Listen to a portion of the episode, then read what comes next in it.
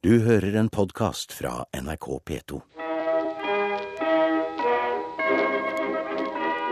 Dette opptaket er fra 1911, og det er Enrico Caruso som synger.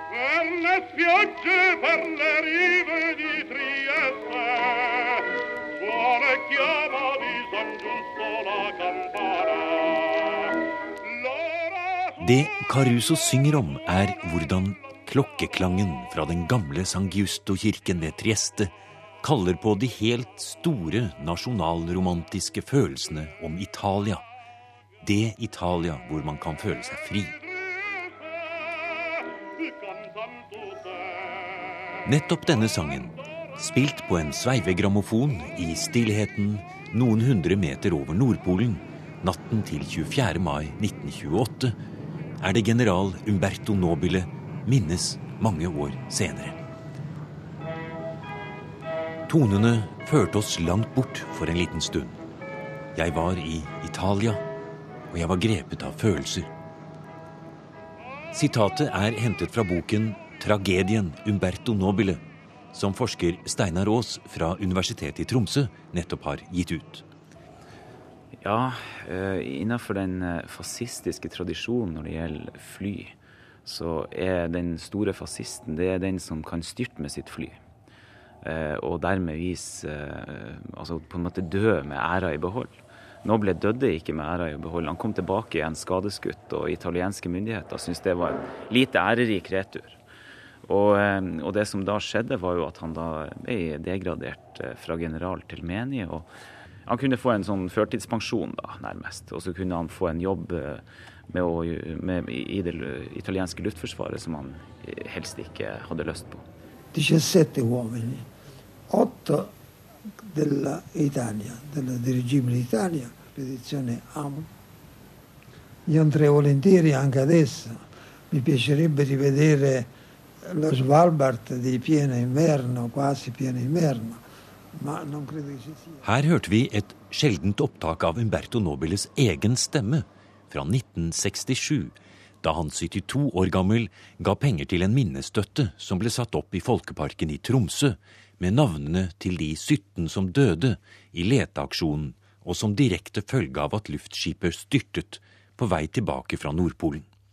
Nobile sier også at han gjerne ville komme til Svalbard en siste gang. Et ønske han aldri fikk oppfylt. Men nå, mange år etter Nobiles død, er kanskje tiden kommet for at både forskere og publikum kan revurdere sitt syn på flypioneren og polarforskeren Umberto Nobile. Ja, jeg tror at dette ble ganske ubalansert fremstilt i, i datiden. Og jeg tror at når man ser på dette i, i ettertid, så kan man i hvert fall dempe det. Det ble jo veldig ille for Nobile for så vidt som at Norgeferden, da var han jo Italias store helt. General. Og nå er han altså da redusert til en nullitet som blir degradert av Mussolini. Dette skulle være nok en ferd som skulle, skulle høyne fascistenes renommé. Og så blir det altså en verdenshistorisk, om man nærmest si, skandale. Dette er Kåre Berg, bestyrer på Fram-museet og en av Norges største autoriteter på polarhistorien. Vi går sammen med ham og Steinar Aas ved siden av den mektige Fram-skuta, hvor det nettopp er satt opp en stor fotoutstilling med mye nytt materiale om redningsaksjonen etter luftskipet Italia. Vi måtte her sette opp noe som gir helheten, og så vise hvorledes Amundsen var en del av helheten. Og hvorledes også det ender opp med en tragedie, en veldig stor tragedie. Og, og det er jo vår store polarhelt. Det er verdens fremste polarfar, det våger jeg å påstå, som er gått bort og så sier man av Nobile'. Og det blir jo feil. Det er indirekte av Nobile, ja vel, men ikke av Nobile. Kanskje kan både utstillingen og boken til Steinar Aas kaste nytt lys over denne merkelige mannen som ble syndebukk for at Norge mistet sin store helt i ishavet mens han lette etter sin fiende. Bare to år etter at de begge hadde passert Nordpolen i Nobiles første luftskip, omdøpt fra N for Nobile til Norge. Og det var da det hele begynte.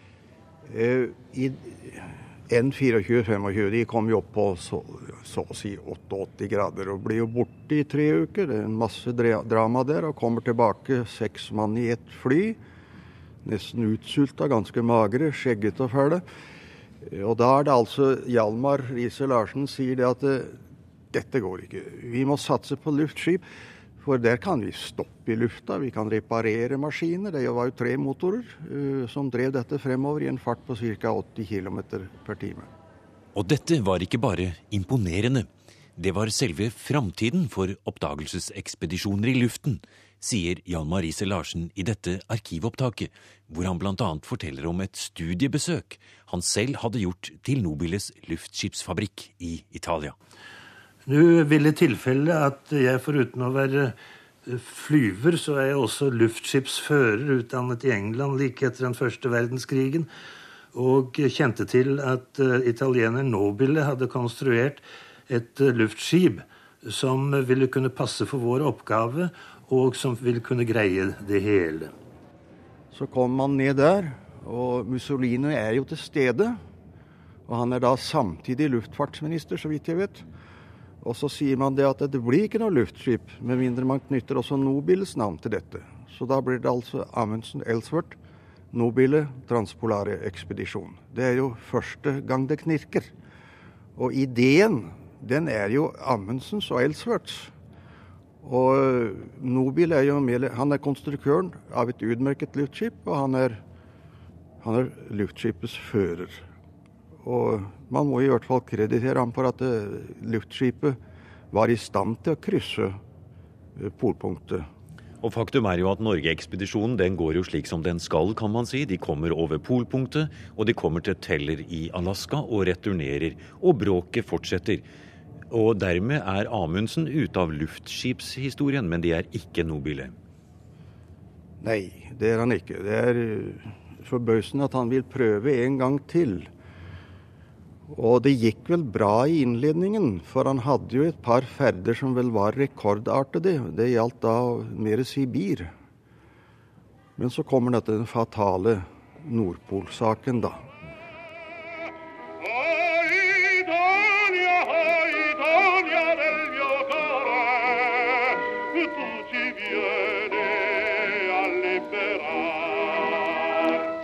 Og denne siste turen til Nordpolen skulle vise seg å bli det stikk motsatte av hva Mussolini hadde ventet seg.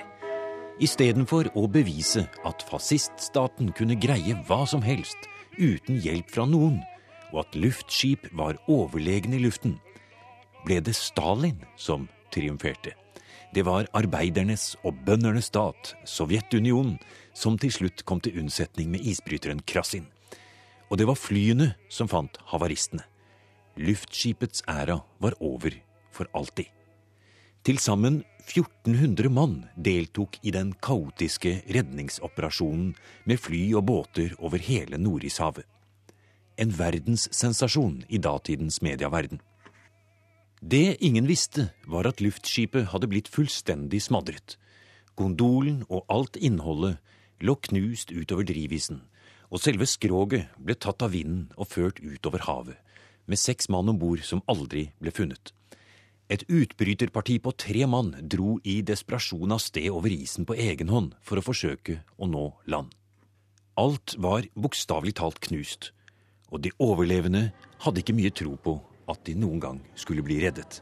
Ja, Moralen var jo relativt dårlig til å begynne med også, for eh, de var i et firemannstelt, og de var ni personer.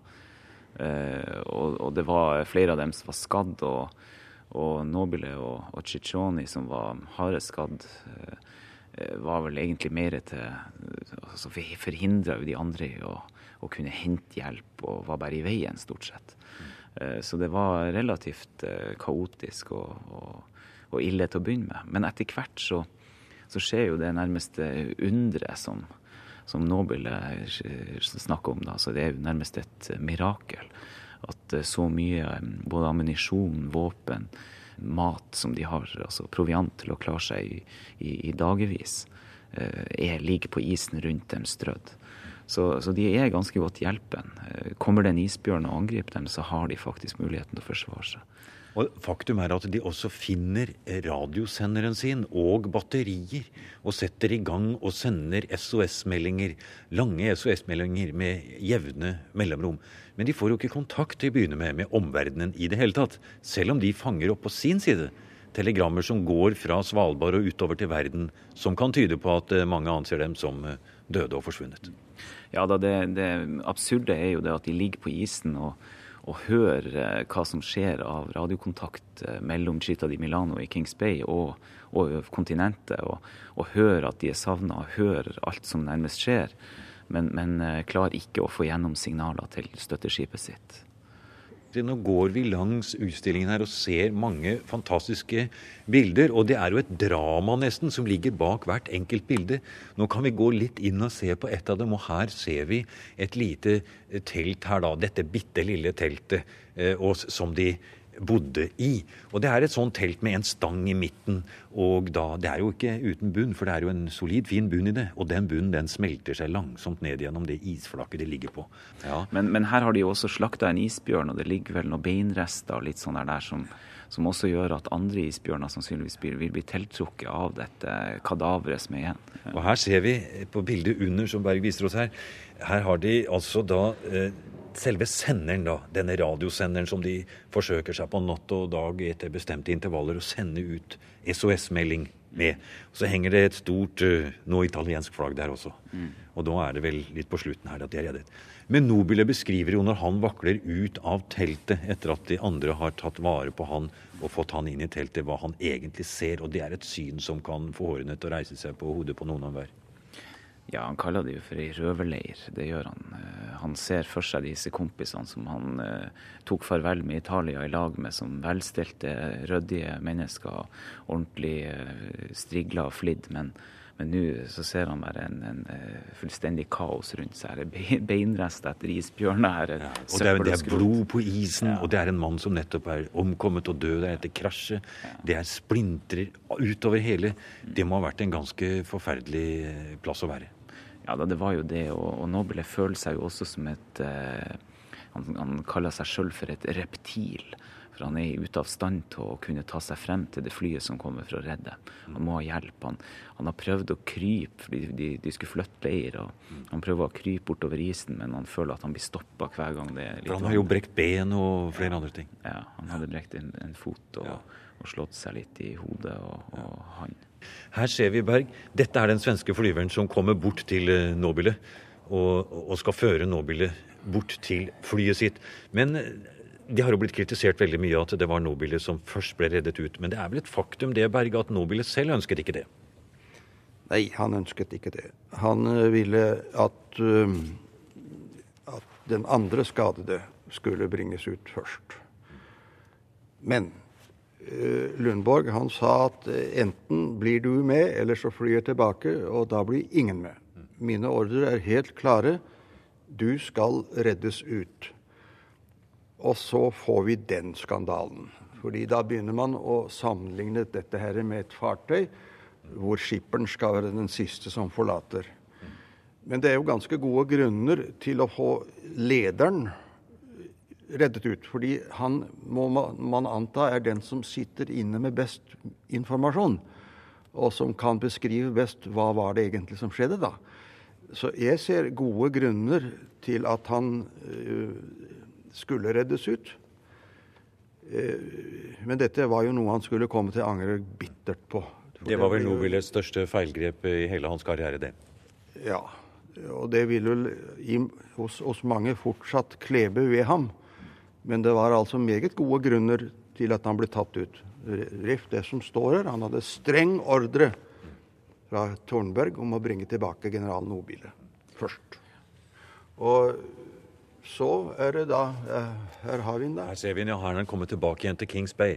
Her sitter han inni en sovepose ute på en stenstrand der. Og på kneet så balanserer han et uh, glass med whisky. Han sitter og spiser noe. Og så er det jo en ting som du syns er litt pussig, Berg, som uh, redningsmannen Lundberg holder på fanget sitt. Ja. Bikkja Tina. Ja. Som er den mest forfløyende bikkje i verden, antagelig. For så vidt som at den også var med på norgeferden. Eh, over Polen og helt fra Italia var den med. Det var hans kjæledegg, og den måtte være med. det, det vitner om en viss sånn originalitet, da, for å si det vakkert. Du, du syns ikke det passer seg helt, du at han har med denne hunden? Nei, i hvert fall passer det dårlig når det går som det går her. Ja.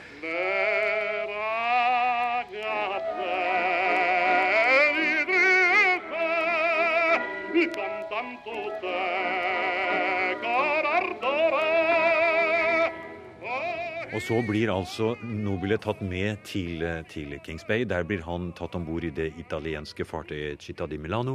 Og der, og der blir han rett og slett låst inne i en lugar. Han får nærmest sjokk. Han blir, eh, føler seg selv nærmest som kidnappet. Ja, han får vel det som man ville kalle for husarrest. Eh, det stemmer nok det, og det blir satt vakt utfor. Eh, det som også er Og, og ingen får snakke med ham? Nei, altså han får i liten grad ha kontakt med noen, og spesielt ikke journalister. Eh, men det som også er interessant, det var jo da at han var forespeila at han skulle lede en redningsaksjon da han kom tilbake. Og nå blir han da satt helt ut av, utover sidelinja. Han får lov å motta besøk da fra Hjalmar Riise-Larsen, og det er veldig rørende beskrevet av Nobile at uh, Riise-Larsen gråt sine modige tårer. Det var en rørende gjenforening. Og han skriver da en masse om disse små ting, krangelen med han og Amundsen. At det burde for lengst vært glemt. Han beklager egentlig at dette utviklet seg på den måten etter, etter Norgeferden. Uten at han på noen måte påtar seg all skyld for at det ble som det ble. For Amundsen var ikke den enkleste å ha med å gjøre. Det tror jeg vi skal være klar over. Men, men, hvis vi ser tilbake litt på det bildet der, Berg, det er, en, det er, ikke noe helt tilfeldig at vi står og snakker om det bildet, for det var altså det eneste bildet som ble sluppet ut etter Nobelets redning. Og det ser ut som en mann som er helt knust. Øynene er eh, veldig fraværende. Det ser ut som han holder på å gli inn i en apatisk eh, tilstand. Og dette bildet det gikk verden rundt. Altså det var på en måte den Her ligger denne personen trygt i sin seng mens eh, vår store eh, helt Amundsen er borte. Eh, denne gullgalonerte, fascistiske juksemakeren, altså.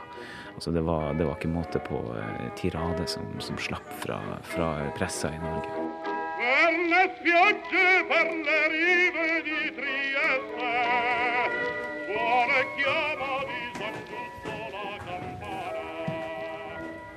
Nå sa jo Berg at vi fikk lov til å sette oss litt her.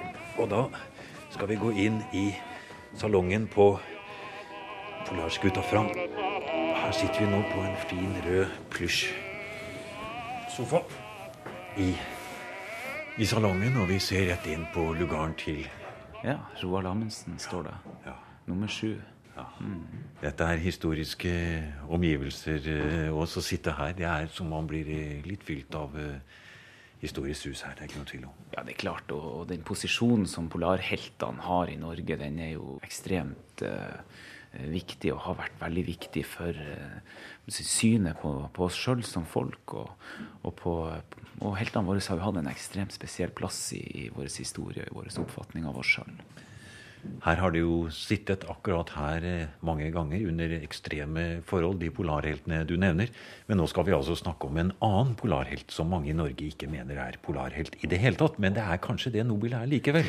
Ja, altså spørsmålet jeg stiller i boka mi er jo selvfølgelig om han er en polarhelt eller en svikar. Og, og veldig mange i Norge vil jo sannsynligvis karakterisere han som, som det siste. Men uh, mitt poeng er det at han helt opplagt har gitt et uh, viktig og vektig bidrag til polarhistoria og til utviklinga av, av uh, spesielt luftfarten i arktiske strøk. Men symptomatisk nok så er det jo så har jo ikke Noble fått gitt ut ei eneste bok om sine egne ekspedisjoner for i 1976-77 på norsk. Og da har altså nordmenn vært har, har altså ikke hatt noen mulighet til å få vite noe spesielt om Nobile sine holdninger, sine, tenk, sine tanker og sin bakgrunn.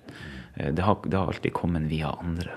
Og Det har jo blitt så sagt, sagt så mange ganger at Nobile han var et redskap for Mussolini. Han var en del av det fascistiske systemets propagandamaskineri.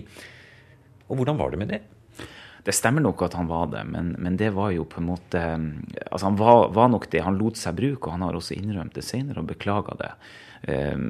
det tok sannsynligvis litt for lang tid før han gjorde det. Det er helt opplagt. Han var ingen naiv person akkurat der. Det var han ikke. Og du har jo også sammenlignet disse to personlighetene, Amundsen og Nobile, på en annen måte. Også eh, i forhold til dette med denne hunden, Titinia, som da Nobile har med seg, og hans forhold til dyr, til blomster, til poesi osv. Som egentlig står i en viss eh, kontrast til måten Amundsen eh, tenker på. Det er klart det er personlige forskjeller. Det er også sterke kulturforskjeller. For, for Nobile, som er sterkt religiøst, sterk overtruisk. Som, eh, så, så, så, er det helt spesielle ting her. Og hunden hans, Titinja, er jo, er jo ment å skulle være med som en følgesvenn. Denne spisshunden som man normalt ville gå på torget i, Napoli med. Men, men, men som, eh, som, eh, Amundsen forakta enormt, og som også andre forakta. Altså, hva skal han med denne lille hunden med?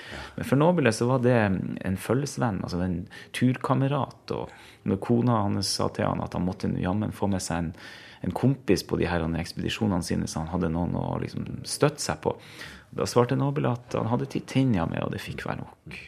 Og han, Det som skjer med Nobile i Italia etter han har kommet tilbake igjen, det er jo liksom ikke så kjent kanskje for det norske publikum, men det som faktisk da foregår, det er at Nobile kommer på direkte kollisjonskurs med Mussolini, med det fascistiske regimet. Han oppsøker Mussolini og faktisk, kan vi vel nesten si, nærmest skjeller ut Mussolini fordi det har blitt holdt en, en eh, kommisjon som har gitt uh, Nobile en del skyld for det som foregikk. Og da, da får han uh, audiens og møter opp hos Mussolini ja, da Mussolini tar imot han og, og møter han på sitt kontor, eh, møtet blir relativt kort. For når eh, Nobile prøver å, å, å, føre frem sitt ærend, så er Mussolini veldig knapp. Han drikker ut sitt glass med vann, forlater sitt kontor og sier farvel. Ja. Og siden får Nobile aldri treffe Mussolini mer.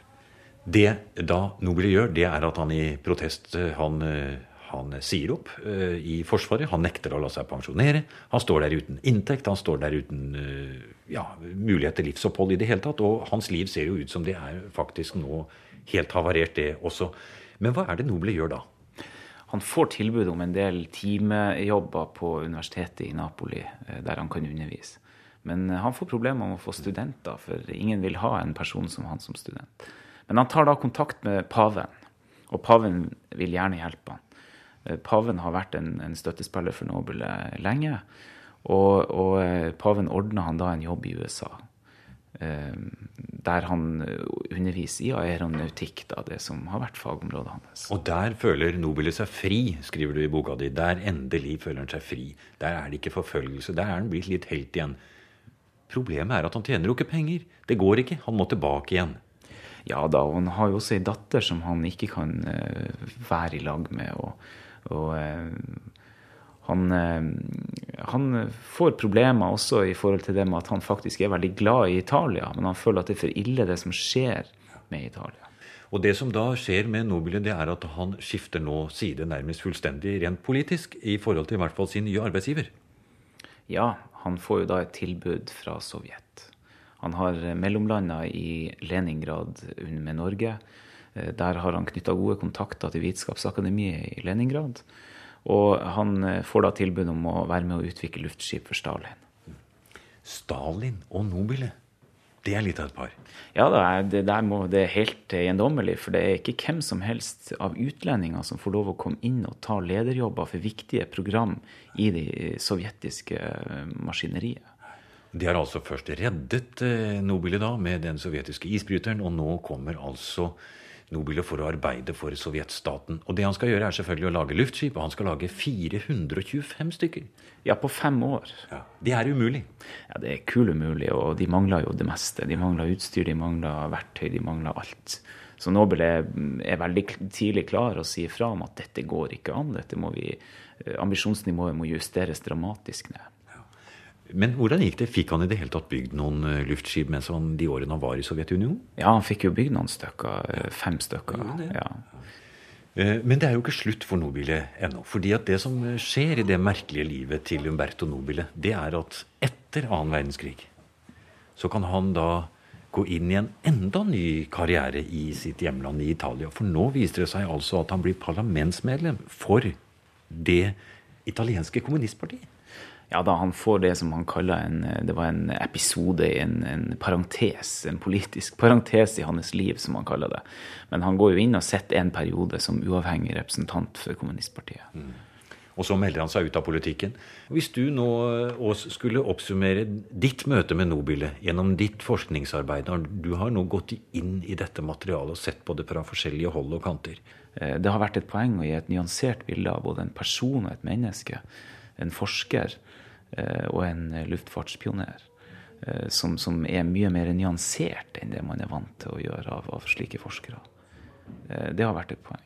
For det er helt opplagt at han var politisk naiv. Han lot seg politisk bruke.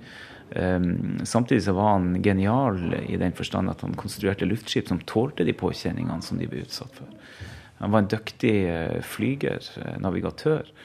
Um, han var et uh, følsomt menneske, og han var en romantiker på alle vis. Um, men han var en dyktig, dyktig vitenskapsmann også.